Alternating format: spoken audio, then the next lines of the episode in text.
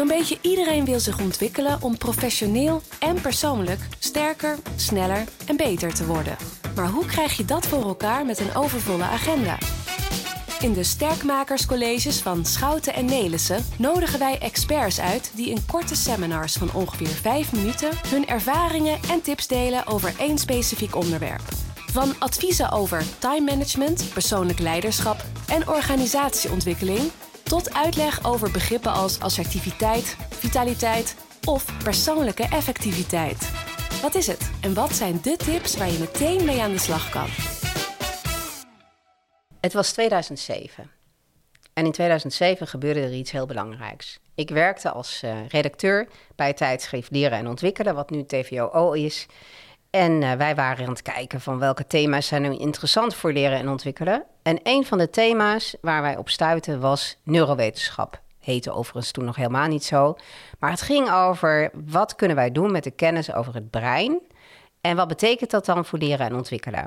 Nou, omdat het nog best wel een beetje een vaag onderwerp was, hebben we bedacht om dat te gaan onderzoeken met wetenschappers. En om te kijken van welke kennis hebben jullie nou eigenlijk allemaal al? En kunnen we dat gebruiken bij, uh, bij leren, bij het vormgeven van uh, trainingen, en bij het enthousiasmeren en motiveren van mensen?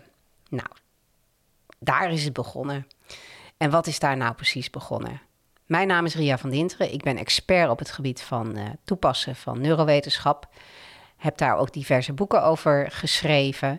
En in dit Sterkmakerscollege ga ik jullie meenemen naar een van de meest belangrijke onderwerpen als het gaat over toepassingen van neurowetenschappelijke kennis. En die gaat over psychologische veiligheid in trainingen. Of gewoon veiligheid in trainingen. Wat is er nou voor nodig om mensen te laten leren?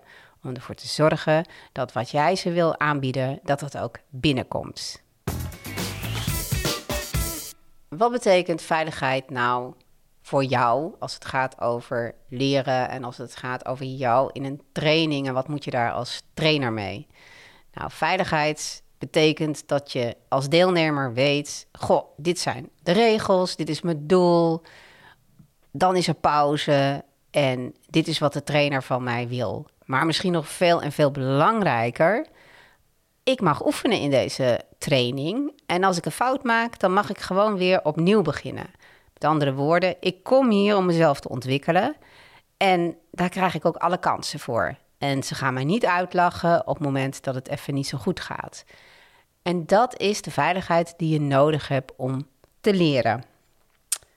Nou, als we daar nou eens wat dieper induiken en we gaan kijken van wat betekent dat nu eigenlijk als we het koppelen aan breinkennis. Dus wat gebeurt er dan eigenlijk in het brein? Dus waarom is dit nu zo ontzettend belangrijk?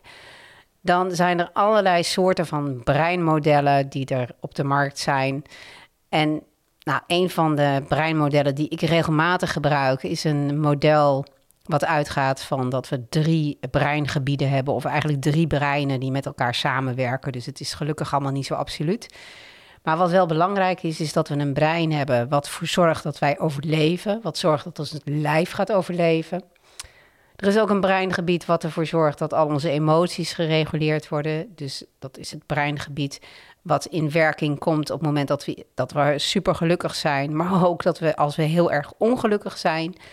En dan is er ook nog een heel groot stuk brein, en dat noemen ze de neocortex waarin je kan analyseren, organiseren, dus ook kan plannen. Dus bijvoorbeeld kan weten van ik moet deze dingen doen en dan heb ik ontzettend veel geleerd. Maar die andere twee breinen, ik noem ze voor het gemak even het reptiele brein en het zoogdierenbrein, wordt ook wel het limbisch systeem genoemd. Op het moment dat die geactiveerd worden, dan ben je helemaal niet meer bezig met het plannen van uh, wat moet ik nou doen in deze training. Of nou, wat zal ik anders gaan doen als ik deze fout maak? Maar dan ben je eigenlijk alleen maar bezig van hoe kan ik hier wegkomen? En het is zelfs zo, sommige mensen hebben zo'n ontzettend weerstand tegen, tegen leren, uh, dat, dat er eigenlijk een amygdala hijack ontstaat. Nou, dat, dat kennen we allemaal, alleen het woord niet. Maar een amygdala hijack betekent dat eigenlijk het onderdeel in jouw brein wat in het limbisch systeem zit en wat emoties reguleert, dat die de hele besturing van je brein overneemt. Nou, ik zal daar een voorbeeld van geven, want dat is op zich wel interessant. Eh, en die kennen we ook allemaal. Stel je nou toch voor, je bent in je auto en je rijdt op de snelweg. Je rijdt 130 en het ziet er allemaal prima uit, maar er is een auto ook voor jou. En die auto die remt heel plotseling af. Dus die gaat van 130 naar 10 kilometer. Nou, wat doe jij? Ik, hoef, ik daar ook niet echt over na te denken, want jullie gaan allemaal roepen remmen. Ja, dat klopt. Dat is een amygdala hijack. Die zorgt ervoor dat jouw hele lijf in actie komt om ervoor te zorgen dat je overleeft. En wat je dus allemaal niet gaat doen, en dat zijn de andere delen van je brein, is bijvoorbeeld bedenken: Goh, laat ik mijn remweg eens uitrekenen. Of hoe ver zit ik eigenlijk af van de, van de vluchtstrook? Of hoe ver zit ik af van de auto rechts van me of links van me? Of welke kleur auto heeft mijn voorganger? Allemaal dingen waar je totaal niet aan denkt op het moment dat jouw leven in gevaar is. Jouw amygdala neemt het over. En je bent helemaal niet meer in staat om na te denken over allerlei andere acties. Bij leren betekent dat dat je dus ook gewoon helemaal niet meer voor reden vatbaar bent om iets nog even uit te proberen. Mooi voorbeeld in trainingsland is altijd het rollenspel. Uh, waarbij mensen dan denken, nou, ik niet hoor. Uh, ik vind dit echt verschrikkelijk. En bij sommige mensen kun je als trainer kun je van alles en nog wat vertellen. Uh, maar dat gaan ze echt niet doen. En je kan je voorstellen dat in een veilige omgeving je misschien als trainer gewoon nog prima mensen over de streep kan halen om een klein stukje te doen. Maar op het moment dat het niet veilig is, gebeurt er helemaal niks in je training. Zonder psychologische veiligheid vindt er dus geen leren plaats. Wie daar een heel interessant onderzoek over heeft gedaan is Amy Edmondson. Die heeft in 2019 daar ook een heel mooi boek over geschreven. En wat zij ontdekte was dat mensen in principe in teams fouten moeten kunnen en mogen maken. Dus daar moeten ze niet bang voor zijn. Dus onze hersenen moeten niet op slot schieten op het moment dat we iemand willen aanspreken op een fout. Maar het moet wel ergens over gaan. Dus het moet ook, er moet ook een uitdaging in je werk zitten of een uitdaging in dat leren zitten. Zodat je in een psychologisch veilige situatie ook weet, ik moet wel stappen maken om daar te komen. Dus zij combineert in haar model, wat ze in dat boek beschrijft, combineert ze twee zaken: een uitdagende opdracht en psychologische veiligheid. Dus op het moment dat dat er is, dan uh, wordt er geleerd. Dus psychologisch veilig betekent eigenlijk: ik kan mensen attenderen op een fout en ze gaan ook met die fout aan de slag, want ze willen beter worden. Nou, in trainingssituaties is natuurlijk super en super belangrijk. Als we veiligheid terugbrengen naar een trainingssituatie of naar een leersituatie, wat kan jij dan doen? Ik heb vijf tips voor je die je direct zou kunnen toepassen. De eerste gaat over maak van je brein geen zoekplaatje. Dus zorg ervoor dat er structuur is, dat de regels helder zijn. En leg ook uit wat de doelen zijn en wat je van mensen verwacht. Het is zelfs zo dat vertellen wanneer de lunch is, dat dat voor een heleboel mensen heel belangrijk kan zijn. Want misschien moeten ze nog een telefoontje doen. Dus leg dat uit. Dus dat is de eerste. De tweede gaat over die fouten. Maak van foutmomenten leermomenten en stuur daar ook gericht op.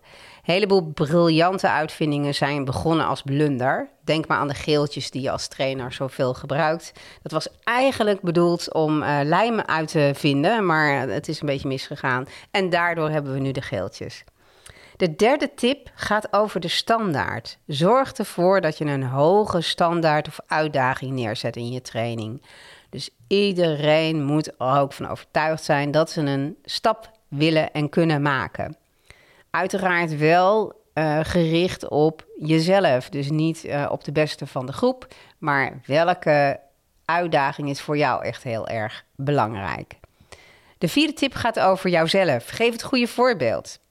Uh, op het moment dat jij in een organisatie lerend wil zijn, zorg er dan ook voor dat de leidinggevende het goede voorbeeld geven en aan de slag zijn met leren. En jij als trainer kan ook prima aangeven dat je af en toe een fout maakt, maar dat je er wel van geleerd hebt. En tot slot, wat er heel vaak niet gebeurt, is dat we uh, ons brein wat lummeltijd geven en gunnen. Dat is eigenlijk tweeledig.